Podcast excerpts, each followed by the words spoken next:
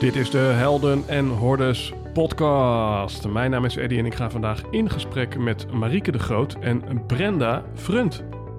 In de zomer van 2016 ontdekten we dat we een schakel waren in een netwerk van mensen die wij Conscious Business Founders zijn gaan noemen. Bijzonder gemotiveerde ondernemers die echt voor durven te staan.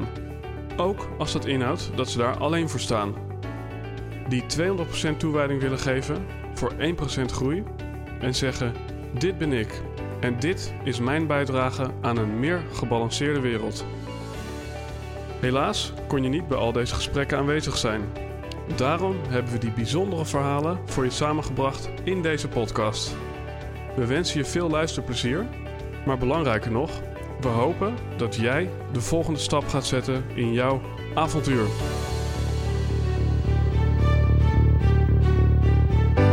Alright, ladies and gentlemen en alles wat daartussenin zit. In deze aflevering nummer 102 ga ik in gesprek met Brenda Frunt en Marieke de Groot over gezondheid. En daarover gesproken. Je denkt misschien, wat klinkt die gozer nasaal? Hoe gaat het eigenlijk met zijn gezondheid? Nou, ik kan je vertellen dat je op dit moment luistert naar iemand die corona heeft. En aangezien mijn lichaamstemperatuur hoger is dan de stand van de zon, is het misschien goed om deze rant wat korter te houden. Maar niet voordat ik kort ook heb aangekondigd dat op 21 april het zover is. De dag die je wist die zou komen, is eindelijk opnieuw hier. Sommige mensen hadden een ticket gekocht twee jaar geleden. En toen kon het ineens niet doorgaan. Wat kon er niet doorgaan? De live show met Richard de Let in het kader van gezondheid. Vanwege corona, om die er ook nog maar eens een keertje bij te halen. Maar nu, 21 april aanstaande, 2022, is het zover. Wil je nou een ticket bemachtigen van 15 euro en een van die 200 stoelen innemen? Dan is het misschien goed dat je mij gaat volgen op Instagram. Want daarop ga ik uiteindelijk delen uh, wat de pagina is waar je tickets kunt kopen. Want die pagina van de bibliotheek staat nu nog niet online. Dus misschien zie je mij daar, misschien zie je zelfs Brenda of Marieke daar. Misschien zie je daar een van de andere gasten die in deze podcast is geweest, want die kans is zeer aanwezig. En dan gaan we nu naar de aflevering met Brenda en Marieke. Zij zijn diëtisten, intermittent living coaches en auteur van het boek Vastwel over hoe minder vaak eten je meer energie geeft. Een boek waarin droge wetenschappelijke feiten voorzien zijn van humor, recepten en verhalen. Met een achtergrond in voeding en gezondheid wetenschappen coachen Brenda en Marieke mensen, ook in het bedrijfsleven en de topsport, op weg naar meer energie, focus en levensgeluk. Daarin combineren zij voeding, periodiek vasten, koude training, beweging en ademhaling. Dus schuif aan bij deze toffe podcast over voeding en vasten en ontdek de kracht van energie die in je eigen lijf blijkt te zitten. Nou, op dit moment geloof ik er weinig van. Ik ga hem zelf ook nog maar een keer terugluisteren. Ladies en gentlemen en alles wat er tussenin zit. Marieke de Groot en Brenda Frunt. Alright, ladies and gentlemen, aflevering 102. En uh, twee uh, ook in de zin dat er twee dames bij mij uh, aan tafel zitten. Dus Volgens mij wordt het een triootje vandaag. nou, de kop is eraf. Um, ja, dat is, dat is wel eventjes een, uh, een geintje met een seintje. Want ooit heb ik deze podcast uh, gestart samen met een compagnon. Waardoor we eigenlijk altijd alles met z'n drieën deden. En uh, vandaar dus ook dat deze derde microfoon hier was. Volgens mij, ladies, gaan we het vandaag hebben over jullie boek Vast Wel. Volgens mij gaan we het daardoor hebben over intermittent fasting. Um, maar wij zitten hier ook zo op het moment van opname rond de feestdagen. En uh, wellicht dat er ook een stukje zingeving in deze aflevering komt. Uh, een stukje ja, persoonlijke achtergrond of dingen die jullie nu op dit moment bewegen door alles wat er in de wereld gebeurt. Dus uh, welkom aan boord. Dankjewel. Dankjewel. Um, ja, wij hebben natuurlijk samengewerkt aan een boek. En misschien is het goed om eventjes op aarde te beginnen. En uh, dat boek dat, uh, heet vast wel, met als ondertitel uh, Hoe minder vaak eten je meer energie geeft. Ik zeg niet wie dat heeft bedacht. um, ja, en waarom was het zo belangrijk om dit boek te schrijven? Dat is een hele goede vraag. Als ik hem mag aftrappen, ik, ehm, voor mij zat het er echt in dat ik met dit onderwerp, periodiek vasten, zelf zo ontzettend veel beter ben gaan voelen. De afgelopen jaren dat ik er zelf mee aan de slag ben gegaan. En ook op een gegeven moment zie je dat je de mensen die je ermee begeleidt ook zo in hun kracht en energie ziet staan.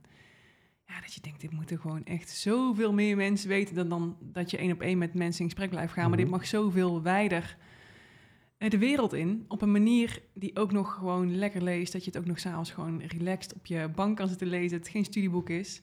Maar je leert wel iets bij en je, als het goed is krijg je een glimlach op je gezicht. En Mhm. eh, heb je tools in de handen om, eh, om zelf ook die energie te gaan ervaren. Ja, oké. En, en eh, was dat voor jou hetzelfde laken en pak? Eh, ja, eh, we hebben tijdens de Intermittent Living coachopleiding heel veel eh, zelf mogen ervaren, echt mogen gaan voelen door eh, nou, ja, 24 uur niet te eten, eh, te wandelen zonder voedsel, zelfs zonder vocht. Dus we hebben daar een week lang zijn we echt ondergedompeld in dit onderwerp. En je, zag het, je voelt het niet alleen zelf in je systeem, maar je zag het ook gewoon in bloedwaardes terug. Hoe, ja, hoeveel het je kan geven eigenlijk. Eh, dus nou ja, vandaar die zichtbaarheid, die mogen we echt wel krijgen met dit onderwerp. Dat is echt fantastisch. Ja, want dit zijn natuurlijk beide succesverhalen. maar als ik eh, ga wandelen zonder eh, dat ik heb geluncht, dan, eh, dan bid ik hemel en aarde bij elkaar. Want ik heb nogal een snelle stofwisseling en ben ook nog hypochondrisch van aard. Dus ik kan me ook voorstellen dat als je zelf 24 uur niet drinkt, dan, dan hou je het niet droog. Ik heb het ook in die week ook niet droog gehouden, nee. Nee. Ik kan me nog wel een, een tripje in de Ardennen toen herinneren, in die Intermittent Living Week. Waarin we eigenlijk eh, de deur uitgingen met, eh, ja, dan moet je 's ochtends vroeg je bloed prikken. Ik ben even kwijt wat mijn bloedglucose toen was, maar eh, het metertje gaf aan dat ik eh, een glasje Durans moest drinken, omdat die gewoon zo laag was. Maar die hadden we natuurlijk niet, dus we zijn gaan lopen. En eh, ik heb me echt zo ontzettend slecht gevoeld. Ik heb echt ik heb denk ik gewoon een uur lang alleen maar gehaald. Ik, ik dacht, hoe moet ik, dit nou, hoe moet ik hier nou doorheen zien te komen? Ik werd gewoon licht in mijn hoofd en ik voelde me niet helemaal top. Maar ehm, ik ben gaan zitten en eh, de mensen met wie ik aan het wandelen was, die eh, hebben me ondersteund en even met me gepraat. En eh me de, het vertrouwen in mijn lijf ook gegeven dat er niks aan de hand is en dat het gewoon goed komt. Ik ben opgestaan en doorgelopen en uiteindelijk heb ik zoveel meer, eh, ja, als ik het terug moet halen, ik voelde me uiteindelijk zoveel kracht. Ik, voelde, ik kreeg op een gegeven moment heel veel kracht en energie terug. En ik Mm. ben het laatste stuk naar huis, ge, naar, de, naar de ruimte gehuppeld, waar we toen eh, die week verbleven. En als je dan fysiologisch bekijkt, blijkt, ja, je lijf gaat uiteindelijk natuurlijk uit je vetreserves energie halen. En daar kan die ook wat glucose uithalen. En dan krijg je weer energie naar je kop. Dus vanaf die kant kun je het natuurlijk ook eh, uitleggen. ja. Maar vooral het zelfvertrouwen in mijn lijf heb ik in, op die dag echt teruggevonden. Van holy shit man, je kan Waarom had echt je geen vertrouwen in je lijf? Nou, je, als je je zo ontzettend licht in je hoofd begint te voelen. Ehm, ik werd daar gewoon heel angstig van. Dat ik dacht, ik ga hier, eh, ik weet gewoon niet precies waar ik ben en ik ga hier daar neer. Mhm. Dus ik, ik voelde me echt heel angstig. En ja, dat was het vooral. Mhm. En ook op de een of andere manier kwam er ook heel verdriet los. Ik weet niet zo goed hoe ik dat, Ja. als ik achteraf op terugkijk, hoe ik dat moet verklaren. Maar eh, ik voelde me echt even alleen en heel kwetsbaar. En misschien ook wel, eh, ja, dat, Nou ja, ik, kan me ook voorstellen, hè, dat is een beetje spiritueel, maar uiteindelijk is eh, volgens mij eh, een hele eh, niet iets wat je kunt doen, maar iets wat gebeurt op het moment dat je alles weghaalt wat er nog tussen staat. Mhm. Op het moment dat jij inderdaad niet meer verdoofd bent door voeding of wat dan ook, dan kom je Ja. misschien een laag dieper, waarin dingen gewoon ja, de ruimte krijgen. Ehm, voor mij, hè, ik zit hier een beetje als, als de toffe titelkoning, maar ik, ik vind het gewoon best wel een moeilijk onderwerp. Zo moeilijk zelfs dat ik deze podcast op dat moment had uitgesteld. Eh, dus mijn hypochondrie begon een beetje op te spelen. Ehm, meteen al gek om, om, om, om dus misschien ook daardoor even het onderwerp te verlaten van... Oké, dit heeft jullie dus veel gebracht, maar, Mhm. maar jullie zijn volgens mij ook niet van de school van... Ja, eh, er is één weg naar Rome en dit is hem. Dus er zijn misschien meer dingen waardoor je of vertrouwen krijgt in jezelf of in je lijf. Eh, of ehm, ja. Misschien, misschien zou ik de vraag kunnen stellen: eh, waar gaat het nou eigenlijk om? Hè? Dus als we even onder de intermittent fasting gaan zitten, van wat is nou eigenlijk wat je daar ontdekt of doet? Eh, qua mindset misschien. Goeie. Ja, als ik kijk naar hoe... eh, we zijn eh, van, van nature, zeg maar, diëtisten. En hoe we zijn opgeleid is echt zes keer per dag eten. En eh nou, zorg goed voor jezelf, kleine beetjes blijven eten. En daar ga je in mee en je denkt, oh, nou, dit, dit, dit is het. En op een gegeven moment ben ik mijn eigen praktijk, mijn eigen diëtistenpraktijk begonnen. En daar kwam ik erachter van, oh, dit, ik ben helemaal niet mensen aan het helpen. Ze worden niet nog zieker, maar ik had ook niet het gevoel dat ik mensen echt beter aan het maken was. En toen ben ik op onderzoek gegaan van, wat zit daar dan achter? Wat, hoe kan ik mensen dan wel die stap laten zetten, dat ze echt eh, zichzelf eh, beter kunnen voelen. En ik geloof ook heel sterk in het zelfgenezend vermogen van het lichaam. Mhm. En nou, door dat eigen onderzoek, dat zit er eigenlijk onder van... hé, hey, dan, dan gaan we het op een andere manier proberen. En niet zes keer per dag eten, maar ga eens naar drie keer per dag. Ja. Want wat Marieke net vertelde in die week was best wel extreem. We Mhm. werden echt eh, in het diepe gegooid wat ik... eh, ja, wat we, als we mensen begeleiden of binnen het bedrijfsleven workshops geven, gaan we dit niet in één keer doen. We bouwen het juist heel rustig op, zodat mensen heel makkelijk die switch kunnen maken en niet huilend in de Ardennen hoeven te Op staan steen zitten. op een steen zitten. Maar aan de andere kant, ja, het, het kan je op die manier ook wel weer iets raken als je het op een extreme manier doet. Ja, want je, je stretcht eigenlijk in dit geval hoe lang je niet eet bijvoorbeeld. Mhm. Ehm, is, is, het, is het doel dat je altijd op die stretch gaat leven vanaf dan?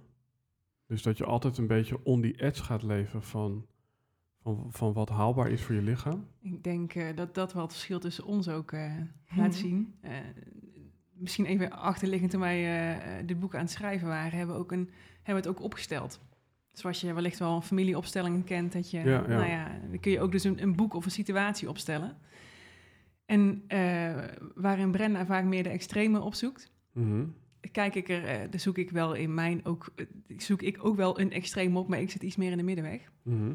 Dus voor mij is het niet continu de edge opzoeken, eh, maar af en toe een keer. Mhm. En voor de rest denk ik dat misschien zoals ik nou eet, vijf keer in de week een uur of 16 of 18 niet eten, voor heel veel mensen al in die stretch zit. Maar voor mij is dat nu comfortabel. En af en toe pak, ga, ik er, ga ik er een keer die grens weer opzoeken. Mhm. Maar ik ben er niet continu mee bezig. Maar je, ja, dus niet continu op die stretch. Nee. Nee, en, en, en, en wat gebeurt er eigenlijk eh, in je systeem op het moment dat je dus... Ja, op het moment dat je dus bijvoorbeeld weinig eet of drinkt, dan zit je misschien constant ook in een staat van waakzaamheid. Is, is dat het juiste woord? Ehm, dus, dus, dus wat gebeurt er met, met hoe je je tot jezelf verhoudt door, door dit te doen? Ja, ik weet niet of dit het antwoord op jouw vraag is, maar eh, als onderzoek voor het boek ben ik die stretch inderdaad wat meer gaan opzoeken. En, en daar heb ik er een 72 uur van gemaakt, dus 72 uur niet eten. En eh, wat ik daar juist ervaarde is de eerste dag, nou ja, e- lichtelijk honger, maar was ik al gewend, want ik deed al vaak 16 tot 18 uur niet. En de tweede dag, nou, ik, ik, het was een werkdag en ik stond echt te stuiteren. En nou ja, dat was mijn beste dag ever, zeg maar. Al mijn zintuigen stonden op scherp.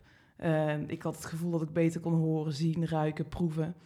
En ik had het gevoel dat mijn lichaam zei van... hé, hey, ga eens even eten zoeken. Dus ik kreeg er eigenlijk alleen maar meer energie van. En de tweede dag, of de derde dag... was een beetje zo'n mentale eh, gevoel van... oh, ik mag dadelijk weer eten.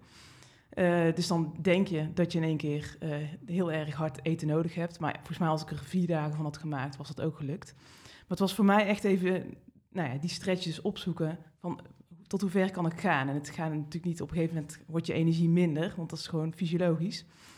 Ehm, maar we hebben expres op het boek een bietje afgebeeld. Eh dat heeft eigenlijk meerdere redenen. Een bietje heb je in verschillende kleuren. Dus we staan voor variatie, zoveel mogelijk kleur in de week eten. Mhm. Maar dat bietje is ook Brabants, een bietje vaste. Dus dat je het ook af en toe een bietje loslaat. Ja, ja, Dus ja. ook wij hebben gewoon vrijdagmiddagborrels of eh, weekenden waarin we misschien wel tien keer per dag eten. Mooi, mooi, mooi. Ja, want ik, ik zie jou lachen en eh, what's happening eh, in your mind? Nee, ik, vind, ik, ik zat ook weer even terug te denken aan die opstelling. Ik liet er net iets over vallen. Maar toen hebben we inderdaad ook opgesteld waar we er allebei in stonden. In het onderwerp. En, eh, en zag je Brenda ook meer zo op de stretch staan. Letterlijk, zeg maar. In die opstelling en ik meer in het midden. Maar wat dat betreft... ehm, ik kan me ook nog wel die dag herinneren dat jij daar eh, aan het stuiteren was. En ik helemaal gek van jou werd. Van de energie en het Mhm. aanstaan de hele tijd. En eh, het is super gaaf om dat te zien. Dat, dat, dat je denkt dat je, gewoon, dat je daar gewoon af ligt. Ja, En dat het niet het geval is. Hoe- Hoeveel kracht en energie zit er in je eigen lijf? Ik word daar, wel, Ja. ik word daar ook wel word ik echt hartstikke blij van. ja. En ehm, in het voorgesprek zeiden jullie ook, ja, er zullen misschien mensen in deze aflevering zijn, eh, of in deze podcast, die al weten wat intermittent fasting is, dus periodiek vasten is. Ja. Er zullen ook mensen zijn die gewoon zeggen, het is niks voor mij. Ehm, en, en daarom eh, ja, neig ik een beetje naar die richting van, eh, waar staat nou eigenlijk dit, dit hele intermittent fasting voor op, Mhm. op, op, op misschien een meer persoonlijk ontwikkelniveau of spiritueel niveau zelfs? Dus, dus, dus, dus, dus wat, wat, wat, wat, wat kan het ons leren of wat, wat vertelt het ons? Voor mij is het ook wel ehm, een stukje zelf nadenken geweest. Denk ik, dit onderwerp. Dat klinkt misschien heel vaag, maar ehm, als je gewoon meegaat in de stroom, dan eet je gewoon eh, sowieso zes keer per dag en in principe de hele dag door, want er is overal eten. Mhm. En vanaf het moment dat, je, dat ik althans iets over het onderwerp te horen kreeg en daarmee aan de slag ging, voelde, begon ik me in het begin, eh, ik weet nog goed dat ik de allereerste keer dat ik mijn ontbijt ging overslaan, op weg naar, de, naar mijn diëtistpraktijk was, waarin ik gewoon mensen uitlegde dat ze het beste zes keer per dag konden eten. En ik zat in de auto en ik dacht, oh, ik ben echt iets aan het doen wat niet mag. Zo voelde het. Ja, echt, in mijn ja. hoofd was het gewoon, oh, ik ga nou gewoon niet eten. Hoe, daar ga ik, eh, dat gaat niet goed komen. Ehm, dus een, een tegen Heilig Huis aantrap heeft mij ook wel eh, eh, gedaan. Maar ehm, ik ben het, het, onderwerp, onderwerp, het onderzoek zelf aangegaan. En alles wat ik te horen kreeg vanuit de opleiding of met mensen met wie ik werkte, stelde ik altijd de vraag: ja, maar wat? Je moet zelf na blijven denken. Wat werkt voor jou? Wat werkt voor mij? Mhm. En eh, ehm, naast het feit dat het prettig is om niet continu aan een suikerinfuus te hangen, om jezelf goed te voelen, maar dat je erachter komt dat je jezelf heel erg goed kan voelen met de energie die je in je lijf hebt zitten, is het voor mij ook wel een, eh, een onderzoek geweest naar zelf na blijven denken over wat, wat mijn waarheid is en, eh, eh, en daarin veel dingen over te lezen, maar gewoon continu vragen te blijven stellen van oké, is het serieus zes keer per dag eten? Nou, ik Mhm. ga het eens even testen. En dan gaat ze even onder de loep houden. En, en, en dan komt er eigenlijk totaal iets anders uit. Ja. En dat zelf nadenken, en dan kijk ik even naar jou, Brenda. Is dat iets eh, wat, wat je ook op, op andere vlakken, zij zegt het woord, misschien is het voor jou zelfs anders, maar even ervan uitgaande dat jullie allebei eh, van dat team zijn. Naast intermittent fasting, waarin je dus eigenlijk constant ook, nou ja, in een bepaalde waakzaamheid moet leven om te onderzoeken van hoe voel ik mij nou echt. En eh, wat je in het voorgesprek zei is van ja, eet je op de klok of eet je omdat je voelt dat je honger hebt.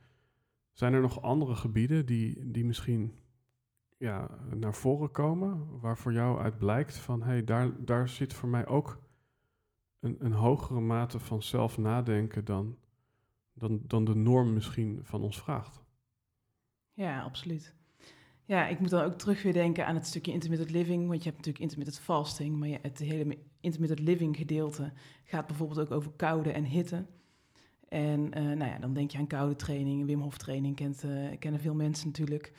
Eh, dus nou ja, dit doen we ook. We springen eigenlijk wekelijks wel in een natuurwater in de kou, vooral in de winter. Ik denk dat ik meer in de winter in het water lig dan in de zomer. Ehm, maar in die, in die weken hebben we ook gebokst in de sauna. Dan denk je ook van ja, high intensity training, heel hoge hartslag. En dan in een sauna, dan val je om. Maar ja, dat is weer die stretch. Weer even opzoeken van eh, dat het je uiteindelijk alleen maar sterker maakt. Dat je veel flexibeler wordt op alle vlakken. Dus je wordt met intermittent fa- fasting metabol flexibeler. Je kunt Ja. zowel suikers inzetten, dat kan iedereen, als je vetten inzet als brandstof. Dat moeten mensen eh, vaak nog eerst trainen voordat ze dat überhaupt nog kunnen. Eh, en nou ja, het, het stukje flexibiliteit, het veerkrachtiger worden eigenlijk door koude training, door Ja, hitte, ja. door ademhaling, meditatie. Ja. En ik denk ook wel, als ik een aanvulling mag geven, weet je wat, we hadden het in de auto ook even over, dat je een soort van ook geprogrammeerd bent van eh, je moet naar buiten een jas aan, maar anders word je ziek, weet je wel, Ja, in de kou. Ja, ja, ja. En de, ik, ik heb zelf twee kindjes en ik ben dat begonnen te, te zeggen. Ik, ik, zei, ik merkte aan mezelf dat ik dat ooit een keer zei. Van je moet je jas aan, anders word je ziek. En toen dacht ik, serieus? Word je ziek van de kou? Ik word helemaal niet ziek van de kou. Ook weer even zelf, even zelf nadenken. Nee, je wordt eigenlijk juist sterker als je af en toe een keer jezelf een acute stressprikkel geeft. Dan kan je, ja, gaat je lijf daarop reageren en dan ga je herstellen. Word je eigenlijk alleen maar sterker van. ja. Dus als, je, als ze nou naar buiten lopen op een sokken en een hemdje, met, met min 5. Uiteindelijk gaan ze zelf al een keer aangeven. En ook, ook, ook uh, überhaupt naar je eigen lijf. Uiteindelijk gaat je eigen lijf ook al een keer aangeven. Dit is, nu ga je te ver. Of juist niet. Wat ik een beetje beluister, hè, want ik probeer altijd dingen te begrijpen en dat doe ik door het samen te vatten in één zin. Wat ik een beetje beluister tot nu toe is, uh, als jij niet je grenzen opzoekt, dan gaat het leven over jouw grenzen.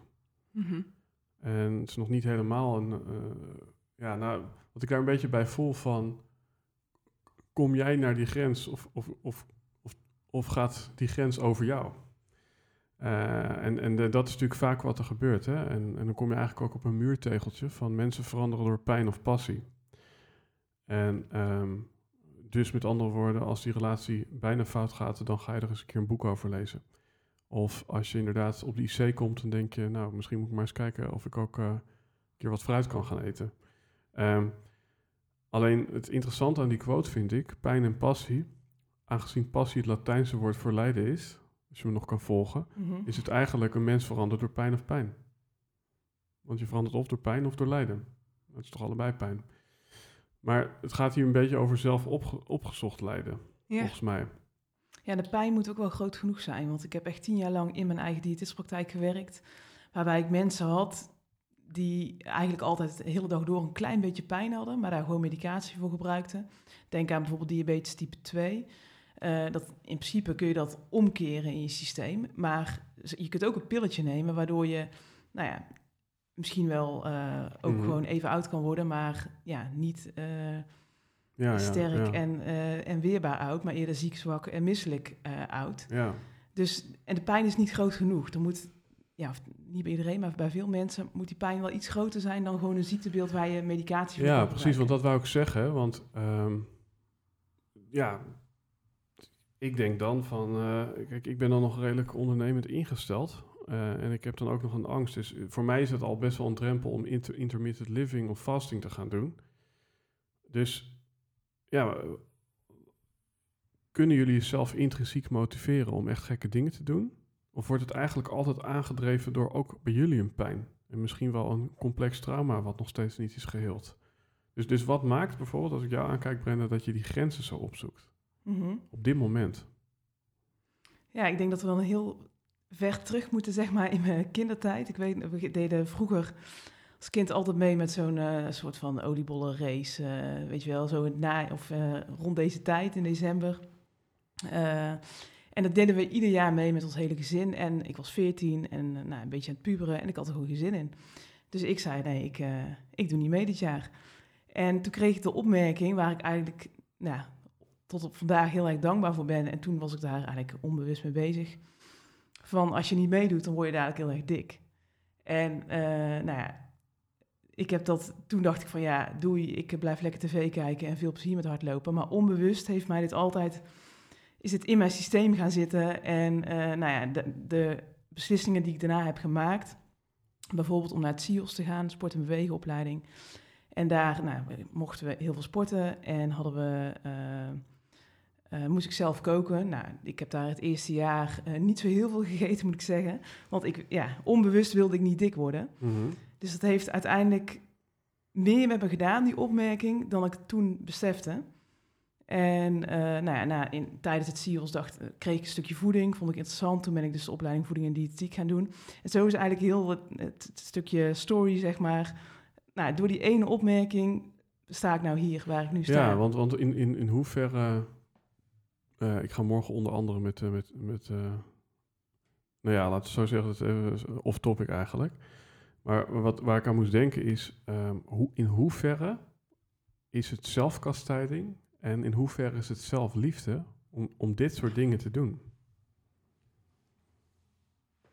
Ja, mooie vraag. ja, nee, iedereen staat er ook anders in. Ik vind pijn vind ik wel fijn. Ik hou daar wel van om een beetje die extreme op te zoeken. kinky. Ja. ik heb er een beeld bij. Ja. We doen nog steeds een trio voor de luisteraar.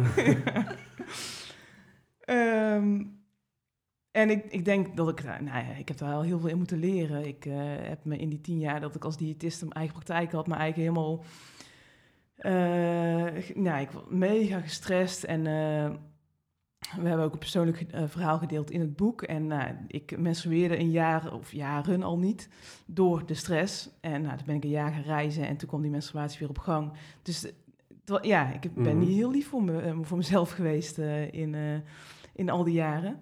Maar nou ja, door vallen en opstaan heb ik, heb ik daar ook alweer heel veel van geleerd. En kan ik nou wel iets ja, ja, ja, ja. zelfliefde geven. en ik denk ook wel, zoals, zoals ik dit onderwerp zie, dus af en toe niet eten. Ik vind mhm. het echt liever voor mezelf dan uh, onbewust uh, aan een soort van suikerinfuus hangen. En als je een dipje hebt, dat je dan denkt, oh, ik moet weer een uh, ontbijtkoek hebben om mezelf goed te voelen. Ja, dat vind ik niet echt zelfliefde. Ik, ik, op een of andere manier merk ik ehm, dat we net tot een punt kwamen dat er ook iets van mij geraakt werd in positieve zin. dat ging een beetje over ja, ervaren in hoeverre je lichaam je eigenlijk altijd draagt. En ja, hoe, je, hoe je misschien altijd meer kunt dan je denkt. En, en daar zit meteen een mooi bruggetje in. Hoe je altijd meer kunt dan je denkt. En dan zeg jij, en dat komt omdat ik zelf nadenk. Oh jeetje, jouw hoofd is echt fantastisch. Hoe je het, ja, ja, ja. Nou ja, wat ik daarmee bedoel is, hè, we, leren natuurlijk ook in heel veel boeken van uh, uh, ga, maak de reis van het hoofd naar het hart, zak af, ga mhm. mediteren. En dan kom jij even uh, invliegen dat je nog meer moet gaan nadenken. nou, ik denk ook dat je vooral mag gaan voelen wanneer je echt honger hebt. Hoeveel mensen staan er met honger op? Ja. Of hebben echt, wat we net al zeiden, om 12 uur echt honger? Of is het omdat het 12 uur is dat, we, dat het normaal is om te gaan lunchen? Ja. En, met nadenken, uh, kritische vragen stellen, zeg maar. Ja, ja. Met wat je voorgeschoten krijgt. Zo zie ik het. En ik, ja, ik, ik ben echt heel lang een, eh, een soort van wandelend hoofd geweest. En daar kan ik nog wel inschieten. Mm Dat ik heel veel in mijn hoofd zit en uh, voor de rest uh, maar allemaal niet veel wil voelen. Maar kritisch zijn met wat je voorgeschoten krijgt, dat is mijn uitleg van zelf nadenken. Ja. Ja, nee. Ken je de reclame van je bent jezelf niet... Als je trek hebt. Ja. Volgens mij kan je het inderdaad in deze context precies omdraaien. Want je leert jezelf kennen op de grens van je kunnen. Mm dus volgens mij is het inderdaad eerder van als je, als je trek hebt, dan laat je waarschijnlijk je ware gezicht zien. Want dan valt het ego weg. Dan ga je schelden tegen je vriendin in de supermarkt. ja, ik bedoel, ja. toch? toch? Zo werkt het volgens mij. Nou, oké. Ehm, dat, uh, oké. Uh, dat zelf nadenken vind ik even mooi om bij stil te staan. Omdat het dus eigenlijk gaat over bevragen. En ik merkte dus inderdaad van, hè, het kan heel mooi zijn, denk ik, uh, jullie ervaring met ja, hoe je je lichaam kunt stretchen. Nou, ik heb dat met bepaalde dingen wel gedaan, maar ik denk niet, zeker niet op het niveau van jou. En misschien ook niet op het niveau van jou. Eigenlijk wel zeker allebei niet. Uh, dus uh, ik is klein en jullie zijn groot. Nee, maar, maar dat ik wel voel van... Um, ik heb wel, ik noem dat Courageous Conversations with Thyself. En ik heb dat niet zelf bedacht. Dat is van uh, David White. Weet je durf maar gewoon door te vragen in je eigen hoofd, in je eigen dagboek, in een opname Totdat je weet wat je werkelijke motieven zijn. En, en dat dat misschien heel erg funstig is waar je achter komt. Dat je dingen doet vanuit manipulatie omdat je, weet ik veel. Ehm, ja, hoe, hoe, doe je dat? En ik snap dat het een lastige vraag is, maar hoe, hoe, hoe kom je tot het stellen van uh, de juiste vragen? Uh, gewoon even praktisch. Hè? Wat, uh, de meeste mensen die, die, die, die denken van iemand moet mij een goede vraag stellen en dan pas kom ik tot een goed antwoord. Maar jij zegt eigenlijk, ik ben zowel de vraagsteller als degene die het juiste antwoord geeft. Mhm. hoe, hoe gaat dat er praktisch aan toe? Ga je dan een dagboek schrijven of hoe werkt dat? Goeie. Ik, uh, ja, ik heb het wel. Dit gaat eigenlijk een beetje. Gaat eigenlijk voor mij wel organisch. Ik, uh, de allereerste keer dat ik, dat ik me daar echt mega van bewust was, was toen er iets met mijn dochter aan de, gang, aan, aan de hand was. En ik een advies kreeg waarvan ik echt dacht, nou, dit slaat echt helemaal nergens op. Ze, uh, ze had uh, eczeem in de, uh, zoals met een koemelkallergie. ze is geboren, ze had een koemelkallergie, veel eczeemklachten. En het enige wat ik te horen kreeg van, ja, smeer er maar wat hormoonzelf op en houd maar een beetje vet en dan komt vanzelf wel goed. Ik denk, nee, het lijf laat gewoon een signaal zien. Mhm. Kom op, man. Dus ik, het kwam ook een stukje boosheid en frustratie uit. En dan gewoon ben ik gaan onderzoeken wat er allemaal nog meer is op dit vlak. Dus toen was het heel praktisch. En als ik bij mezelf nu soms dingen merk waar ik tegenaan loop, dan... Uh, het helpt mij heel erg om met andere mensen te praten.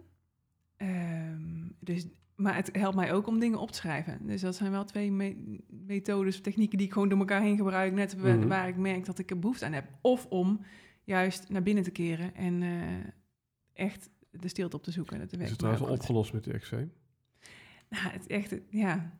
ja, dat is wel echt mijn. eh, ik ben zo ontzettend gelukkig geweest. Maar wat, wat daar bijzonder aan is, en misschien is het ook wel weer goed om in, in dit eh, vlak. Ik, nou ja, na de opleiding in voeding en diëtetiek ben ik orthomoleculaire therapie gaan studeren. Dus de, dit soort problemen, die bekijk ik heel erg fysiologisch. Van oké, nou dan zit er iets in de darm. Want vaak zie je dat met eczeemklachten dat er iets vanuit de darm komt. Oké, nou, darmonderzoek laten doen bij de ren.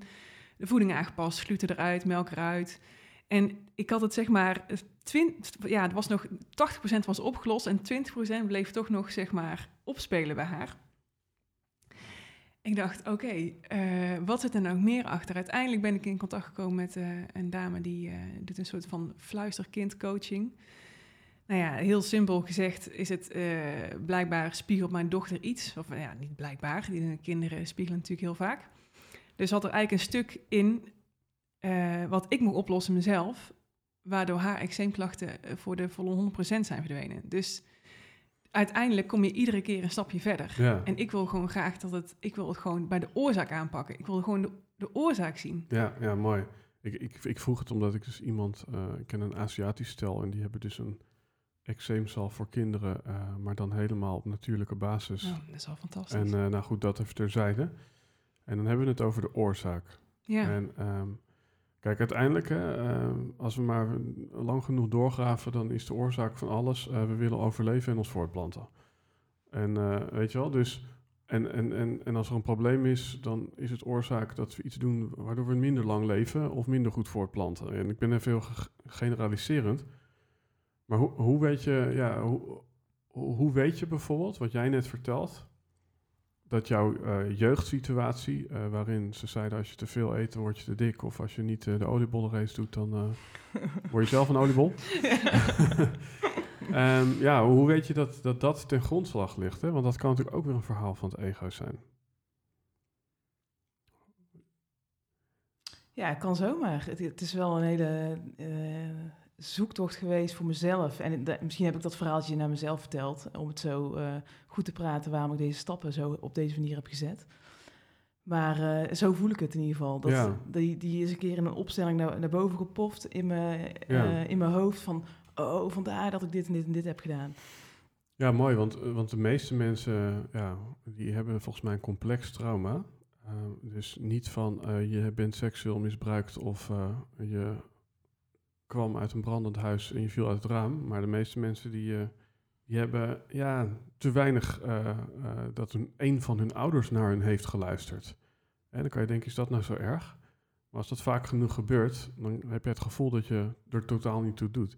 Dus en, en dat, dat merk ik bij mezelf als ik onderzoek doe, dat ik moeilijk één oorzaak kan duiden. Mhm. En, en dat maakt het dus ook moeilijk om één oplossing te kiezen. Want EMDR werkt bijvoorbeeld dan niet, eh, Rapid Movement, op het moment dat er niet één oorzaak ten grondslag ligt aan jouw lijden. Dus hè, dan vraag ik me eventjes af van, ehm, ja, is, is die oplossing bij jullie eh, eh, meestal holistisch? Dus is het meestal zo van, en je gaat intermittent fasting doen, en je gaat meer journalen, eh, en je maakt een koprol eh, in het ijswater. Dus, dus, en eh, je, je, je gaat met oliebollen eh racen. Dus, dus, dus, dus wat, hoe, hoe werkt dat? Ja, het is absoluut eh, holistisch. Mhm. Ze zeggen niet voor niks van eh, bijvoorbeeld wat heb je op je lever. Nou, emotioneel gezien kun je daar alles opslaan natuurlijk. Dus als er, nou ja, als er een ziekte van de lever uitkomt, dan helpt vasten waarschijnlijk nou, een klein beetje. Of maar, leverworst, helpt ook. ja. Ja, Dus het is altijd een holistisch geheel. Ja. er zit meer achter een verhaal. Mhm. Ja.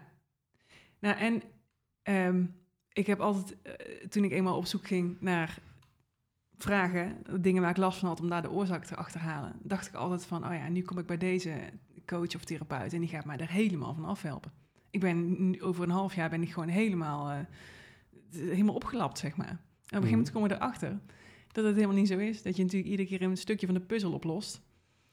En dat het een soort van levenslang eh, zelfonderzoek is naar bepaalde dingen waar je tegenaan loopt. Komt er ook meer, keer- kan er ook meer bij komen wat jullie betreft? Of is het gewoon die jeugd opruimen en dan is het klaar? Nee, kan wel meer bijkomen. Ja? Ja. Uit? Nog lang Nou ja. niet klaar. Ik denk dat je nooit klaar bent, nee. Nee. Ja. Je blijft altijd weer nieuwe dingen tegenkomen.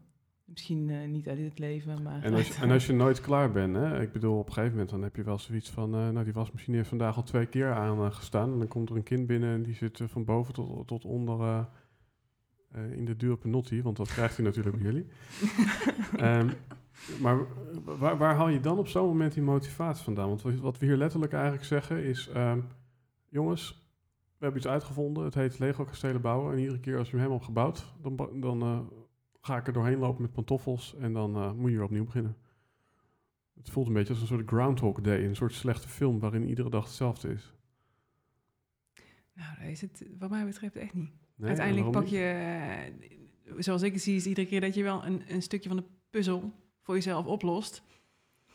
En eh, weer daarin of een stuk rust vindt. En dan weer ergens tegenaan loopt en dat weer oppakt. Dus uiteindelijk, als ik me even voor mezelf terugpak, ik heb, eh, dat schreef ik ook in het boek, al zo lang als ik me kan herinneren, een soort van onrust op mijn borst. Echt niet te doen. En eh, ik heb me heel lang opgejaagd gevoeld en eh, overal voor proberen weg te rennen en vooral niet eh, naar mijn gevoel en zo allemaal kijken. Allemaal lastig. En uiteindelijk los ik daar iedere keer iets in op. Tot het punt dat ik uiteindelijk een soort van, ja, dat klinkt, dat lukt me niet altijd hoor, maar het lukt me nou steeds vaker om, eh, als, ik het, als het opkomt, ook het gewoon te accepteren zoals het is en even ermee te gaan zitten. En dan krijg je het weer rust en dan krijg je het weer ruimte en dan ga je weer door. Ja, mooi. Dus dat, ja, weet je, en het kan goed zijn dat ik uiteindelijk nog wel een keer met iemand eh, erover een opstelling ga doen, ik noem maar wat. Maar überhaupt al eh, het ermee, eh nou ja, volgens mij hadden we het, er, het ermee gaan zitten als er iets is. Lukt ook al. Dat je er dus niet meer voor wegrent, maar dat je Ja. er naartoe gaat. Je ja, gaat er naartoe. ja, we hadden het erover van eh, als je ergens Ja. mee zit, dan moet je ermee gaan zitten. moet je ermee gaan zitten. Ja, dat schoot ineens hoofd. ja, maar dat, ja. En dat is wat het voor mij eh, uiteindelijk ook die onrust, die, de zoektocht is geweest, is dat ik, Jezus, ik heb me ook op een gegeven moment gedacht, hoe hou ik me staande in deze wereld, weet je wel? Wat een gekkigheid. En, Hoe hou je eh, staande als je ergens mee zit? Maar goed. ja, ook dat nog helemaal ingewikkeld. Maar eh, weet je wel, met, en, en wat het vast in mij brengt, is in ieder geval een stuk stabiliteit in mijn eigen lijf en eh, in mijn energieniveau. Wat me weer de ruimte en de helderheid geeft om iets anders aan te pakken. Ja, Dus ja, ja. ja, ik zie het vooral als een basis om je überhaupt goed te voelen en de, de energie te hebben om de dingen aan te gaan die er omhoog komen in je leven. Ja, dus door het vasten k- kunnen andere dingen wat losser worden eigenlijk. Ja, mooi. Ja, Ja, ik zit even te denken van ehm, dat holisme. ja. En ik ben vandaag heel kritisch, eh, naast, naast heel flauw. Dat holisme, ehm, kijk, ik geloof daarin. Hè. Zoals je één ding doet, zo doe je alles. Zo zegt onze beste vriend eh, Hij knap het! deze meneer. nou, jullie zijn weer wakker. Zo. Ehm, ja? Maar ehm, dus nou, zoals je één ding doet, doe je alles. En toch eh, moet je één ding tegelijk doen, omdat je anders eh, alles verneukt. Mhm. Eh, is er ook een piepje, want ik zei iets wat niet mag. Ehm, ja, dus ik merk bijvoorbeeld, heb je een relatieprobleem? Ja, dan moet je een boek lezen over relaties en niet over chocola. Ehm, heb je een probleem eh, rondom eh, bijvoorbeeld je financiën? Lees dan Rich Dad Poor Dad, ik noem maar wat. Ehm, en natuurlijk heeft alles met elkaar te maken, maar mijn, mijn, mijn laatste overtuiging is dat, ja, dat, je, dat je heel specifiek een bepaald onderdeel mag oplossen. Mhm. En dan zegt Einstein, eh, die draait zich nu om in zijn graf, die zegt de oplossing zit altijd op een andere plek dan het probleem. Ja.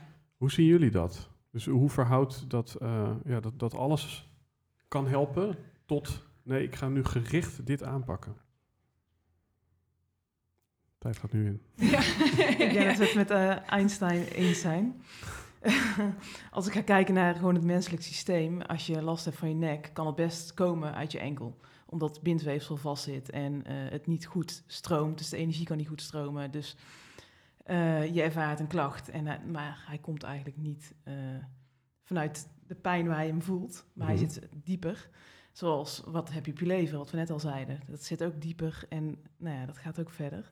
Dus nou ja, als we het holistisch gaan kijken, denk ik wel Dat je meerdere dingen aan mag pakken.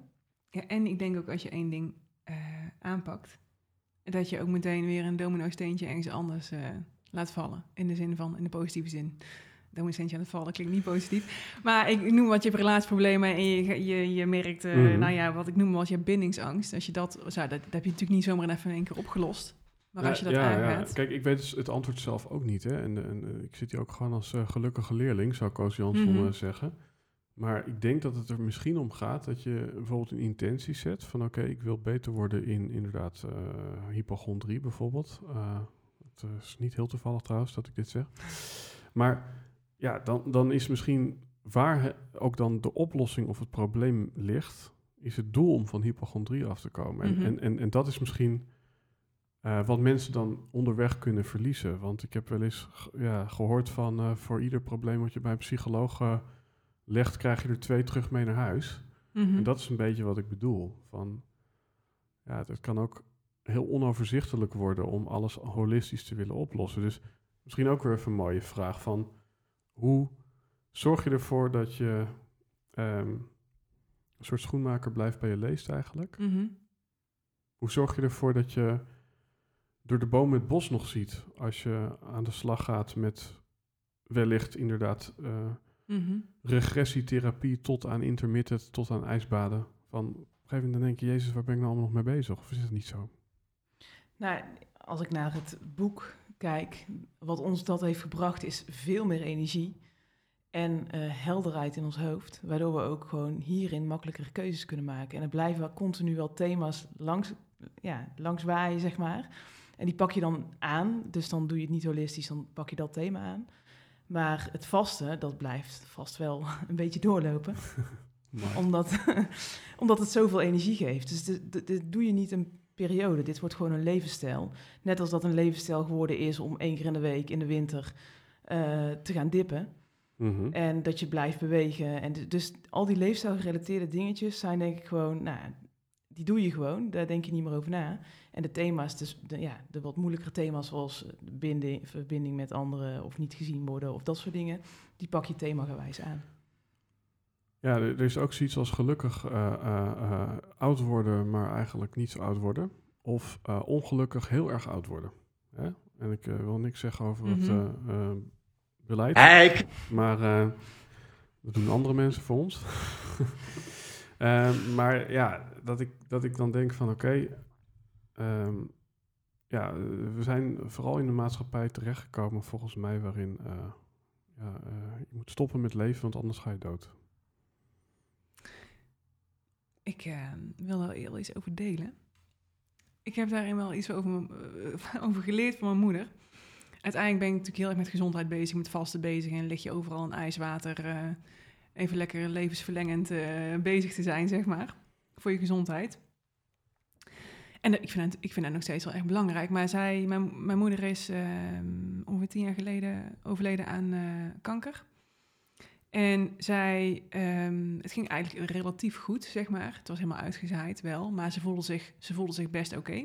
Ze kon nog gewoon haar dingen doen in huis en eh, in de tuin. En waar zij tevreden mee was, dat kon ze nog doen. Maar eh, een van de opties was nog dat ze chemo zou krijgen. En dan nog een stukje levensverlengend, zeg maar. Dat ze dat wat langer, een paar maanden langer zou hebben, maar wel met chemo. En ik zei, eh, mijn broer ook, van eh, ja, dat moet je, je moet je gewoon doen. Want ik wil niet dat ze, ik heb liever dat ze er een paar maanden langer is. En wij zaten met z'n drieën, ik en mijn moeder en mijn broer bij de, bij de arts. En die arts zei zo tegen haar van, volgens mij zit u hier alleen maar voor uw kinderen. Want volgens mij gaat u het helemaal niet doen. En toen moest ze lachen, nee, ik ga het niet doen. Ze zegt, ik heb liever, eh, ik voel me niet best goed en ik kan er gewoon van alles en nog wat doen in mijn huis. En eh, ik, voor mij word ik daar hartstikke ziek van de chemo. Geef mij nog maar die paar maanden in, eh, ja, met, met iets dat ik me beter voel. En ik zat daar naar haar te kijken. Ik denk, oh man. En we hebben wat dat betreft zo'n ontzettend mooie maanden gehad. Mooi, ik snap mooi. het helemaal, weet je. De, Ja. Natuurlijk, ik ben ook heel erg bezig met mijn gezondheid. En, en ja, maar ik, ik kan er wel heel erg... eh, ik heb, daar heb ik wel iets in gezien. Dat ik dacht, ja, ja, want wat goed. ja, mooi dat je dit vertelt. Want wat ik inderdaad zie is, is kwaliteit en levenstijd. En dat wij heel vaak die twee begrippen door elkaar halen. Mhm. En, en, en dat het dus eigenlijk op een gegeven moment alleen nog maar om, eh, niet alleen de gezondheid, hè, maar het gaat Ja. vaak over meer, groter, langer en beter. Of nee, niet beter, dat is eigenlijk het hele probleem. Terwijl het eigenlijk alleen maar zou moeten gaan over kwaliteit en beter, Ja. denk ik. En ja, hoe, hoe verhoudt zich dan, hè, bijvoorbeeld inderdaad dat, dat, dat intermittent fasting of Mhm. eh, misschien paleo of, of whatsoever. Hoe, hoe verhoudt dat zich tot ook gewoon nu een beetje gelukkig zijn en een beetje, eh, een beetje zondigen, weet je wel? Want ja, ik, waar, waar haal jij je geluk vandaan? Hè? Ik haal mijn geluk niet uit... eh, we kwamen net langs de McDonald's gereden toen we hierheen kwamen. Ik zei voor de gein, zullen we een milkshake halen? En wij dachten allebei, we waren aan het visualiseren dat we hier aan het drinken waren. We dachten van, nee, dat is echt gewoon, is gewoon niet eens lekker meer. Mhm. Dus ik haal mijn geluk ook niet uit dat soort voedsel. Ik eh, word helemaal blij van eh, hoe we nu eten, zeg maar, twee keer per dag meestal en veel groenten. Dus het is ook maar net wat je gewend bent. En als je heel veel suiker gewend bent, dan heb, heb je echt heel veel zin in nog meer suiker. Maar andersom geldt ook. Eet je veel groenten, dan krijg je ook meer, nog meer zin in nog meer groenten.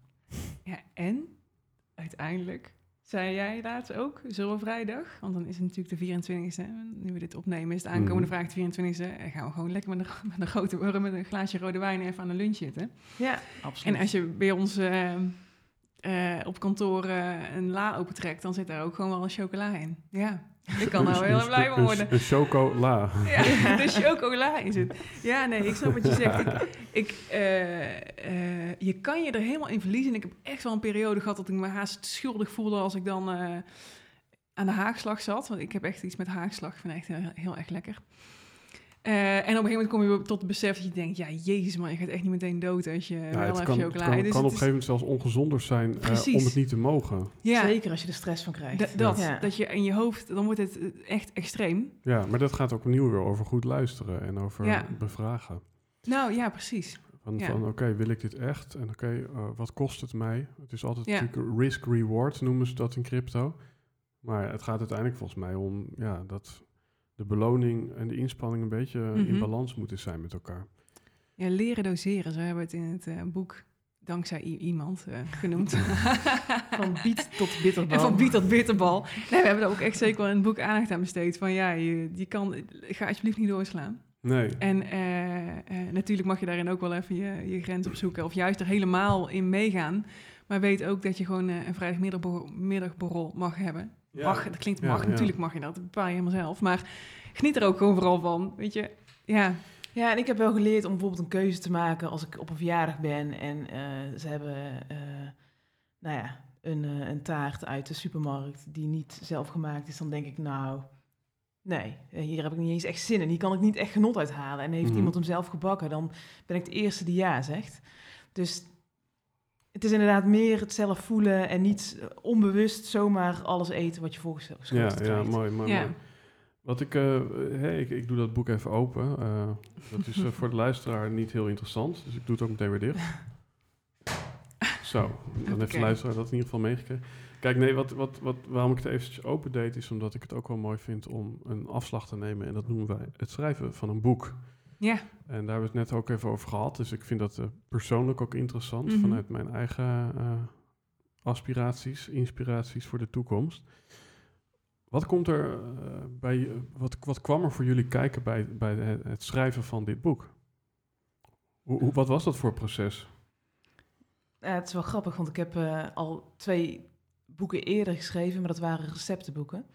En ik ben echt ver weggebleven van iets opschrijven over het recept. Was gewoon een recept, punt. Ja, de- je kunt het lekker vinden of niet lekker. Maar ja, ik eh, was soort van bang voor kritiek. En een recept, ja, als iemand het niet lekker vindt, vind, dat vind ik niet zo heel erg. Maar dit was wel iets spannender voor mij om, eh, om dit dan echt op te schrijven en een statement hierin te hebben. Ehm, dus nou ja, eh, we hebben een schrijverscursus gedaan. mhm. Om, om het ook een beetje leuk op te kunnen schrijven. En dat het ook echt overkomt wat je, wat je wil, eh, eh, wil zeggen. En eh, daarna is het voornamelijk puzzelen. We, waren eerst in de puzzel van wie, wie schrijft wat. Dus we zijn nou ja, samen gaan schrijven. Nou, dan kwamen we er al best wel snel achter dat dat niet werkt. Want je hebt toch allebei een, een andere schrijfstijl. Mhm. En, eh, dus we hebben nou ja, het wat anders verdeeld. Marieke heeft vooral veel geschreven. Ik heb vooral veel inhoud gedaan, netwerk, receptuur, dat soort dingen. Dus we hebben een mooie combi gemaakt. Ja, en met dat, met dat we hadden echt een fantastische... Ja, juffrouw klinkt zo stom, maar de dame die ons daarmee hielp. En ja, die heeft me heel vaak echt op, gewoon afgekraakt, op, op, maar wel op inhoud. Maar Mhm. ik heb, daar wel, ik heb er wel moeite mee gehad. Ik vind het heel fijn als iedereen... eh, ja, ik, kritiek krijgen kan ik soms wel, eh, kan ik wel moeilijk vinden. Ja. En dus ik kreeg eh, regelmatig van haar een mailtje terug. En dan had ze niet eens echt... ge- ja, ze had er gewoon overheen gescand. Ja, het is gewoon niet goed. Heb ik terug. Mhm. dacht ik, oké, even een kop koffie halen, rondje lopen. Het is niet, het is niet voor mij persoonlijk. En eh, weet je wat, het gaat gewoon om het werk. En ik heb daar ook weer echt in geleerd om dat ook niet persoonlijk te nemen. Soms raakt het je ook wel als je denkt, ja, jongen, ik heb hier net een halve dag op geschreven. En Ja. ik dacht eigenlijk dat ik het best oké had gedaan. En, maar dat, dat maakt het wel alleen maar beter. En, en nou, ik kan me ook echt aansluiten bij jou dat je... Ik vond het, voor mij is het heel veilig om eh, als diëtist eh, één op één iemand te begeleiden. En eh, dat alles binnen de kamer blijft. En nu ga je ineens iets opschrijven wat eh, naar heel veel huiskamers gaat. En daar kunnen ook heel veel mensen iets, iets van vinden. Dus ja, daar hebben we regelmatig even een eh, meditatiemomentje over moeten hebben. Mhm. om daar eh, doorheen te komen. Ja, dat was ook wel een van de redenen dat we het boek hebben opgesteld. Gaan kijken wie is nou eigenlijk onze doelgroep en waar schrijven we voor. Het grappige is, ik stond op een gegeven moment eh, op de niet-doelgroep, zeg maar. Dus, nou ja. En eh, ik eh, visualiseerde een vriendin waarvoor ik het dan zou schrijven, wat absoluut niet de doelgroep was. Uiteindelijk heeft ze het boek wel gekocht en ze heeft het gelezen en ik kreeg een appje van haar. Echt fantastisch geschreven boek. Ik heb echt enorm gelachen, maar echt totaal niks voor mij. Ik ga er helemaal niks mee doen. Ik was zo dankbaar voor dat berichtje. Ik dacht, wauw, dit was echt, want je, je bent ook niet de doelgroep. Ja, ja, mooi. Zo'n Burgondische dame is gewoon gezellig en eh, die heeft echt geen zin om te gaan vasten. En ook helemaal Nee. prima. Maar zo mooi om te zien dat het dan ook terugkomt, dat ze het toch nog steeds een leuk boek vindt. Ja. Nou ja, en ik, ik heb zelf wel eens gezegd, volgens mij, eh, ik heb wat kleinere boekjes gemaakt. En er komt dus nu een, eh, een, een, een echt eh, boek aan. en ehm, ja, nee, kijk, dat je eigenlijk pas weet wat er in het boek moet komen als hij af is. Oh, jeetje. Ja. Herken je dat? Ja, we hebben hem gewoon achter tevoren geschreven eigenlijk. Ja. Ja, je, je begint en je gaat schrijven. En we hebben, ik, ik, we hebben, ik denk dat er eigenlijk wel drie, drie boeken, zeg maar, in Word op onze laptop staan. En dit is eruit gekomen. Je, dus je gaat alle kanten op. Of wij gingen alle kanten op, althans. Ja.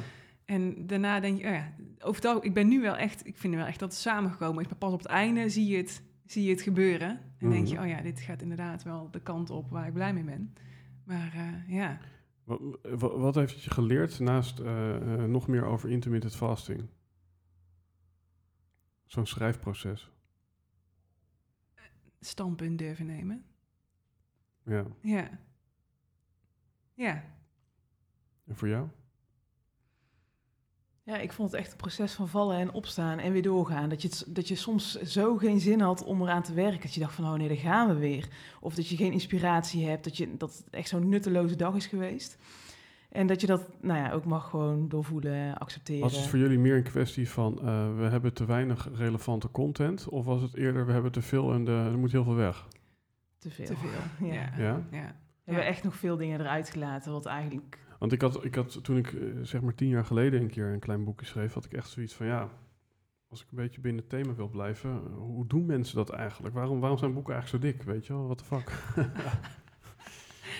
Ja, degene die mee hebben gelezen, we kregen eigenlijk alleen maar de vraag: ja, wat wil je nou eigenlijk zeggen? Wat wil je? Ik kom eens tot de kern. Ik dacht, oh ja, kom ik nou niet tot de kern? Echt, in mijn hoofd was het wel de kern, maar gewoon veel te wollig. Eh, nee, dus, dus het is eh, juist veel meer afgeslankt dan dat we ja, in Ja. eerste instantie zou Dus, zijn. eh, dus het boek eh, Heel, was ook afgeslankt. Dus Ja. iedereen. Iedereen blij. Nou, ik, ik vind het altijd heel fijn als dingen heel efficiënt gaan en, en snel. Daar ben ik ook al tegen aangelopen. En dit, zo'n creatief proces is helemaal niet efficiënt en snel. Je hebt gewoon dagen dat je denkt, ik heb geen fluit gedaan en alles eh, wat ik heb geschreven kan weer in de prullenbak. En dan moet je toch weer eh, de motivatie vinden om weer ervoor te gaan zitten. Dus dat je ergens de tijd voor mag nemen en dat het ook gewoon een dag nergens heen kan gaan, heb ik ook wel geleerd, ja. ja. Dat is oké. gevraagd van, kunnen we de deadline niet verschuiven, weet je? De, omdat we dachten van, oh, dit gaat, dat gaat nooit lukken. En toch Ja. is het gelukt. Mhm. Heel fijn. We hadden het net over, eh, over zelf nadenken. Daar wil ik Mhm. nog even op terugkomen. Eh, terwijl wij volgens mij ook eh, alle drie wel van het thema verbinding zijn. En, en, en, en, samen, en samen zijn misschien ook wel. Ja. Dus misschien nog eventjes mooier, want het schrijversleven is soms ook een, een, een eenzaam bestaan. Mhm. Het is met je ziel onder je arm door het park lopen om tot inspiratie te komen. ja, hoe verhoudt dat zelf nadenken zich tot, tot samen? Hè? Want ik heb hier een keer iemand in de podcast gehad die zei: eh, zelfhulp doe je samen. Oh, wauw. Ja. Ja, dus, dus, dus eh, Hmm. hoe ziet jullie ideale wereld eruit? Is dat meer eh, eh, eh, ja, alleen zijn, eh, introspectie, of is het juist meer de verbinding met anderen opzoeken? Als, als we gewoon kijken naar hoe de wereld er nu uitziet. Absoluut, meer de verbinding. Ja? Ja. Ja. Maar ook wel vanuit een soort van zelf nadenken. Wat ik. ehm, ik kan soms wel echt eh, hard ergens tegen ingaan. En eh, mijn eh, ideeën. Dat is, niet, dus niet in zo'n boek, maar als ik gewoon één op één met mensen die dichtbij me staan. kan ik daar wel even de, het vuur in voelen om mijn standpunt even duidelijk te maken. Grappig, want dat vond ik blijkbaar heel lastig als het in een boek moet. Maar één op één lukt dat wel.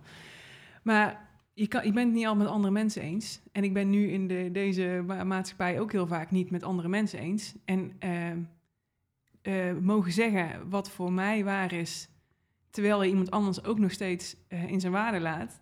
Ja, dat zou voor mij. eh, Ja. je hoeft, ik hoef iemand niet te overtuigen en andersom ook niet. Maar het is wel mooi als je dingen tegen elkaar, als je je waarheid kan delen en dat iemand anders ook nog in zijn waarde mag blijven. Ja, Dus eh, dat je in verbinding blijft. Dat je in verbinding blijft. Ja. Ja, Ja, maar wel het, het Ja. een volgt het ander volgens mij. Ik vind het fijn om even, dat je ook zelf nadenkt en wel ergens voor mag staan. Ja, maar in verbinding blijven betekent ook niet dat je altijd met elkaar eens moet zijn. Nee, nou ja, blijkbaar dus. Nee, klopt. ja. Want ik kan me ook voorstellen dat, eh, dat er heel snel een soort groepsvorming komt van de intermittent fasters. Weet je wel, Richard de Let, die we allemaal kennen, die heeft het Mhm. altijd over dat in ziekenhuizen iedereen schoenmaat eh, 32 of eh, 38 heeft. Ehm, dus dat het eigenlijk allemaal een beetje over één ja, kamp wordt gegooid, zeg maar. En, en toch is dat, dat hele intermittent fasting, dat is eigenlijk... Ja, is, in hoe vast ligt dat, dat vasten? dat is eigenlijk de vraag. Nee, ik bedoel, is het, is het, is het is, eh, altijd 18 uur? eh, of eh, ja, hoe, hoe, hoe, hoe werkt dat? En om daar nog een kleine toevoeging aan te doen. Kijk, in de jazzmuziek is het eigenlijk zo dat je eigenlijk eerst heel erg binnen de lijntjes leert kleuren. Dus je leert allerlei toonladders. Om vervolgens de hemel te verlaten en te gaan freeriden, weet je wel?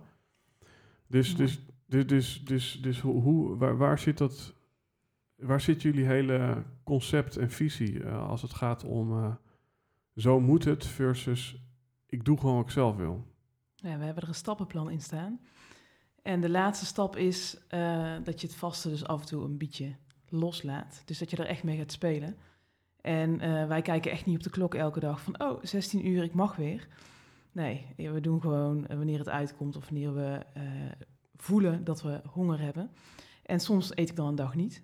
Eh, en soms dan eet ik, na, eh, eet ik mijn ontbijt gewoon, omdat ik denk van, oh, nou heb ik honger. Het is zo afhankelijk. Je kunt ook niet eh, een, advies geven voor iedereen in zo'n boek. Want de ene beweegt ontzettend veel. De andere zit de hele dag achter een laptop. Dus Ja. Het maakt nog wel uit hoe je leefstijl is. Of je veel stress hebt, ja of nee. Dus Hoe, hoe ga je om met, met verleiding daarin? Want ik kan me voorstellen dat je als je een dag wel mag ontbijten, dat dat meteen een soort van eh carte blanche is om eh, iedere dag eh, bij Laplace uh, croissantjes te gaan eten. nou, dat is eigenlijk net wat je net vertelde als voorbeeld. Met binnen de lijntjes kleuren. De eerste periodes, we leren mensen eerst het stappenplan te volgen en in die lijntjes te kleuren. Dat je weet hoe het voelt als je minder vaak per dag eet. Dus dat je echt ervaart Mhm. dat je meer energie krijgt en dat je helderder bent. En nou, als je dat goed onder de knie hebt, dan kun je het een beetje los gaan laten. En dan kun je dus een keer een eh, croissantje nemen bij de Laplace. Ja. En dat doet je niks. Dat, dan kun je nog steeds je vetten inzetten als brandstof. Ja, en dan maar je moet wel een vette inzet hebben. een vette inzet hebben. Ja. ja. ja, en dat mogen mag er ook wel vanaf. Weet je wel, dan mag ik nu eten, dus dan ga ik helemaal... Ja, ja. Dat heb ik wel in het begin ervaren, hoor, toen ik ermee aan de slag ging. Van, eh wow, ik heb nou 18 uur niet gegeten, jongen, nou ga ik echt... Kom maar op. Hoe, dat gaat hoe, groot is die rol hè, van stress? Ehm, in bijvoorbeeld hoe vaak je eten nodig hebt, in hoe uitgerust je bent. Hoe, hoe, hoe groot is, hoe, hoe serieus moeten we die, die, eh, ja, die speler nemen in het hele eh, spel? Groot. Ik moet aan, aan Rieneke Dijkinga denken. Dat is ook gastschrijver eh, in ons boek. En zij kreeg ooit een keer in een podcast ook de vraag gesteld van... je nou voor, iemand is helemaal super stressvrij, helemaal zen de hele dag... maar eet wel eh, drie keer per dag de McDonald's. Of iemand is mega gestrest, maar eh is het wel alle, nou bijvoorbeeld in dat geval de Rieneke Dijkinga... maar ook helemaal gezond te eten. Ja, wie gaat het langs volhouden? Nou ja, waarschijnlijk degene die het minste stress heeft... die houdt nog wel... eh, stress is wat dat betreft gewoon zo'n ontzettend negatieve belasting... op echt alles, van hormonaal tot Ja. het zo interen. Dus eh, heel groot. En ik denk dat een hoop mensen ook eh, eten gebruiken om even geen stress te voelen, al is maar kortstondig. Of om even, want uiteindelijk heb je natuurlijk nog steeds stress. Maar als je dat dus niet doet, dan kun je ineens achter van alles en nog wat komen. Waar je eten voor inzet. Terwijl je misschien eigenlijk iets anders mag aankijken. Ja, en hoe kan de luisteraar je misschien ook daar een stap in zetten? Dus hoe, hoe verminderen jullie die stress? Want er zijn waarschijnlijk heel veel Mhm. manieren voor. Mhm. Ja. Ik moest, want jij moest denken aan Rieneke Dijkinga, dat was in de podcast van Thijs Lindhout. Ja. Ik moest denken aan eh, Koen de Jong, ook een gastschrijver. En ehm, hij eh, telt vaak ademhalingen in workshops, en wij doen dat tegenwoordig ook. Dat mensen dus een minuut lang hun ademhaling gaan tellen, de inademing. En we krijgen echt antwoorden van eh, drie keer in een minuut tot dertig keer in een minuut. Dus nou, iemand in de, in, de, in de zaal zeg maar, is eh, continu aan het hyperventileren. En de ander zit heel chill naar ons verhaal te luisteren. En beide onbewust. Dus nou het tellen was natuurlijk eventjes bewust. Maar 30 keer of drie keer is nogal een verschil. Dus ik denk dat ook veel mensen onbewust veel stress hebben. En onbewust veel stress betekent dat je eigenlijk continu suikers aan het verbranden bent. Want je Mhm. hebt een één universele stressreactie in je systeem. En dat is de aanmaak van cortisol. Ja, Dus ehm, ja, hoe kom je erachter of je gestrest bent? Ik denk dat we. en is het niet zo dat een hele grote meneer of een hele kleine mevrouw eh, minder ademhalingen per minuut hebben? Of maakt dat niet zoveel uit? Ja, dat maakt niet zo heel veel uit, nee. In ieder geval niet dat verschil. Die grote meneer heeft Zeker. ook een grotere longcapaciteit dan die kleine mevrouw. Mhm. Dus het zit ongeveer tussen de 6 en de 8 zou nou ja, ideaal zijn per Ademen? minuut. Oké. Ik, eh, Wil je het even eh, doen? Nou ja, ik, ik weet niet eh Nee, maar het nou is i- wel... iedereen relevant is, maar Ja. Thuistestje. Maar het is in ieder geval een bewustwording als Ja. je dat doet. Maar je kan natuurlijk, zoals we het in de Intermittent Living Week vooral aanvliegen, is dat je stress eh, aanvliegt met acute stress. Mhm. Dus eh, als ik me even niet zo lekker voel en ik eh, ga hardlopen naar een natuurwatertje bij ons in de buurt en ik ga een minuut in het ijs, of in het ijs, in het koude water zitten, ja, dan heb ik echt even iets doorbroken. Ja, want wanneer ga jij in het koude water zitten om die stress aan te pakken? En wanneer zeg je juist, nou, ik ga het niet opzoeken. Nee, ik ga het nu juist bijvoorbeeld naar mijn hart brengen met een hartmeditatie. Dus, dus wanneer doe je wat? Ook weer een lastige vraag, denk ik. Ja, ehm, het is niet altijd dat ik er zo op die manier over nadenk, maar eh klinkt misschien heel stom. Als ik mezelf even een snelle verlichting wil geven, dan zou ik eerder naar eh, gaan hardlopen en even een minuutje in het water liggen. Dan heb je meteen die reactie van je lijf die erop volgt, waarvoor, waardoor je al heel veel eh, spanning wegvloeit. Ja, Maar om het daarna aan te kijken, dat is eigenlijk stap twee. Ja. ja. Mooi. We hebben het eh, zojuist ook even gehad over stress naast voeding. Wat zijn, eh, misschien om de afleveringen een beetje richting afronding te brengen, een aantal toffe dingen die jullie hebben ontdekt? Want het is toch ook een soort van lifehacking, biohacking, eh, ja, naar jezelf luisteren. Misschien zijn er dingen waar een, een luisteraar nog helemaal niet aan heeft gedacht, die kan bijdragen aan meer vitaliteit, eh, eh, harmonie, rust, maar misschien ook wel vertrouwen. En, en, en als we dan toch holistisch zijn, dan mag alles nu eh, ter sprake komen. Misschien is er re- recent iets waarvan je denkt, ah ja, ik ben nu dit aan het doen. Of, of ik, ik heb me daarin verdiept en wow, wat gebeurde er toen? De tijd gaat nu in. Wederom. Oh, wauw. Eh, mm, mm, mm, mm. Nou, waar ik me in verdiept, maar dat, is, dat, dat heb ik niet echt mezelf in verdiept, maar dat is meer een, een soort van eh, aha-moment van de afgelopen periode. Is dus dat je dus eh, niemand anders hoeft te, te overtuigen. Maar eh, dat je gewoon jezelf mag zijn en je verhaal mag vertellen. En vanuit die energie in verbinding kan blijven. Mooi, ja. Eh, dus dat geeft mij wel rust. Weet je, je kan soms ook, ook met dit onderwerp, natuurlijk met, met je gezondheid, maar ook met allerlei andere dingen die spelen, wil je zo graag dat andere mensen het ook zien. Ja, Maar dat werkt helemaal niet op die manier. Eh, En, en, maar, en wat, dan mijn reactie vaak was, van nou, dan heb ik het wel helemaal niet over. Of ik begin helemaal niet tegen die persoon over vasten, want eh, nou, die zal er wel echt onzin vinden. Of over andere dingen waar ik mee zit. ja dus het delen maar van je binnenwereld. delen, ja. het delen van je binnenwereld, In ja. plaats van het overtuigen van de buitenwereld. Ja, Mooi. ja. En daar krijg je ook hele mooie gesprekken van. Oh ja, Ja, absoluut.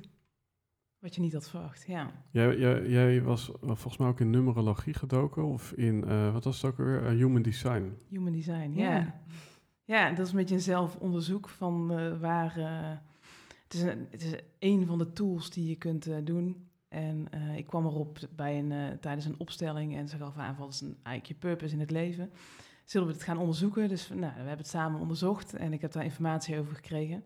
Het is voor mezelf nog een onderzoek, dus ik, nou, ik ben er nog niet helemaal. eh, ik heb het nog niet helemaal eigen gemaakt, maar het is wel beren interessant. En het is, kan je wel, wel een stap verder helpen in, eh, nou ja, in de.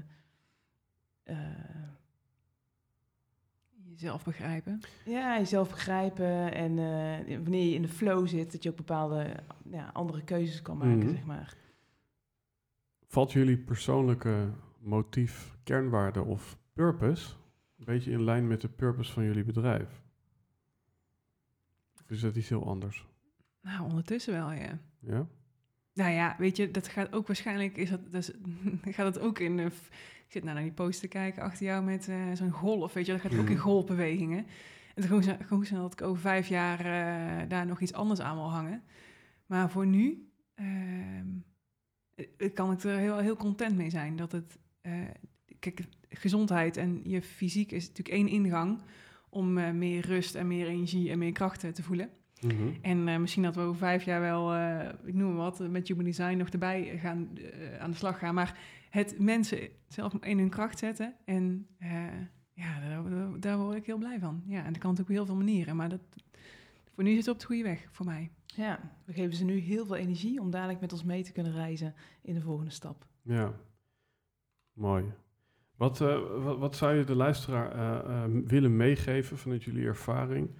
Ik zeg wel eens, eh, als je in de auto zit in de file en er staat een billboard, billboard langs de weg, wat staat erop?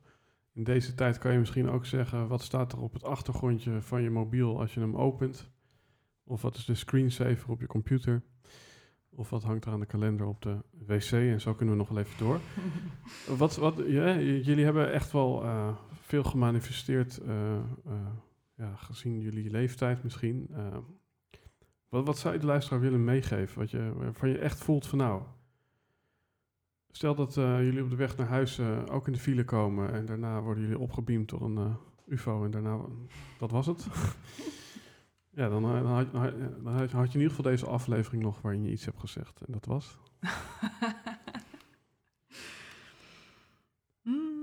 Mm. Ja, er zijn twee dingen die opkomen bij mij. Ik heb een tijdje als screensaver op mijn telefoon gehad. eh, ik ben even de precieze zin kwijt, maar het ging in ieder geval over eh, dat niet perfect is ook goed, iets in die hoek. Mhm. Eh, het, het mag ook allemaal een onderzoek zijn. Ik ga er een beetje mee spelen. Dat, het, maakt, het maakt het wat losser. Maar Mooi. ja, dat. Ja. Ja, mijn eerste woord wat oppopte was leef. En daarmee bedoel ik eigenlijk eh, niet, want bij veel mensen hebben met leef eh, de gedachte van, oh, dan gaan we bier drinken. En, eh, eh, maar ik, ik Mag bedoel, ook. Ja, mag ook. Maar ik bedoel, ik heb dan meer de gedachte van, leef, voel de energiestromen en ga toffe dingen manifesteren en in verbinding gaan met mensen. En nou, zorg dat je, het wordt wel een heel lange beeldwoord, hè? Zo, iedereen zo lang Nou ja, afgehaakt. dus je staat stil in de file, hè, je hebt wel even. Ja, ja, ja, wel, ja. Of je doet een grote boodschap, dan heb je ook wel even. maar de- ja, dus eigenlijk het woord leef in de samenvatting. Maar ik, nou, de, dit is mijn Uitleg. uitleg over wat leven inhoudt voor mij dan. Goed is ook perfect. En leef. Niet, niet goed is ook... Niet Nee, goed- nee, niet perfect is ook goed. Niet perfect is ook goed. Kijk, daar gaan we. ja, ja. En eh, eh, ik zat zelf te denken, hè, van misschien hebben jullie iets bedacht, maar ehm, ik zat zelf te denken van, misschien willen jullie zo'n boek eh, aan iemand cadeau doen. Mhm. En, en misschien is het wel zo dat, eh, ik kijk ondertussen even in de camera, Ehm, misschien wil je dat boek cadeau doen aan iemand die ja, misschien wel op jullie Instagram eh, een berichtje stuurt met een motivering waarom die persoon dat heel graag wil hebben. Mhm. En eh, als die persoon en jullie volgt en die motivering instuurt, ehm, ja, en misschien nog iets anders doet, maar eh, of hebben jullie iets anders bedacht? Nou ik vind het fantastisch wat je zegt. Ons volgen en een motivatie. Ik denk dat dat voldoende is. Ja, en, zeker. en, en waar, waar, waar hebben we het dan over als, als het gaat om jullie volgen? Op Instagram. Ja, waar, waar moeten we zijn? Eh, het is volgens mij, ja, dat weet ik 100% zeker, A apenstaatje. Het De Voedingsacademie. Oké, ja, mooi. Ja. Ehm, is er nog iets waarvan je, jullie zeggen van... Eddie, we zijn helemaal potverdikke me vanuit daar gekomen... en we hebben dit nog niet gezegd. nee. Jij wel? Nee, ik denk het ook. Ja, ik, eh, ik, ik, ik schat in dat, dat er best wel wat mensen al eh, iets over periodiek vasten weten, of althans over de achtergrond. Daar zijn we niet super diep op ingegaan, maar ik denk dat het ook eh, dat het mooi is zo. Dan mogen ze ons boek lezen. Ja, dan mogen ze ons boek lezen. Ja, Ja. dat is ook alweer zo, ja. Ja, ja nou ja, kijk. Ja. ehm, ik heb wel eens gehoord... eh eh, voed mensen, maar houd ze hongerig. Dat is een mooi, Ja. mooi in deze context. Ja, Eh, ja, dus heb je nou echt honger, dan eet, eten dit boek, jongens. Eet, eet dit boek. Absoluut. Eh, want het gaat inderdaad over veel meer over dan over periodiek vast. Ik heb ook Mhm. aan mogen bijdragen. Dus ehm, Ja. het is gewoon ook een heel mooi boek. Het is ook visueel een heel mooi boek. Het past bijna niet door de brievenbus. Dus eh, als je het hebt over menselijke verbinding, dan moet je bijna wel aanbellen om hem te krijgen. ja. En de inhoudsopgave is alleen al leuk. Toch dankzij... ja, ik, eh, ik, ik heb zelfs nog een mooie bladzijde daarvoor met eh, lieve Eddie. Zal ik het voorlezen? Nee. ja. Ehm, eh, ja, dames, many thanks voor deze. Ehm, Ja. Dus voor de luisteraar, wil je meepraten over deze aflevering? Hashtag Helden en Hordes op Twitter, op Instagram, op Facebook. Ehm, vergeet vooral niet te abonneren op dit kanaal. Vergeet ook zeker niet even een comment achter te laten. En vergeet ook niet te eten, want voor je het weet, nou, dan ga je dood. Ehm, en ehm, ja, eh, verder in de show notes van deze aflevering eh, een link naar dit boek. Ik denk op bol.com of gaan we We locals gaan lekker naar supporten? onze website. On- jullie website is nog beter. Ja, ja. zeker weten. Ehm, en dat is www.devoedingsacademie.nl devoedingsacademie.nl. Ja. Dus eh, tot zover. eh, tot morgen, zou Matthijs van Nieuwkerk zeggen. Alleen eh, dat programma bestaat niet meer. Dus eh, tot zover, tot de volgende aflevering. Dankjewel, Eddie. Dankjewel.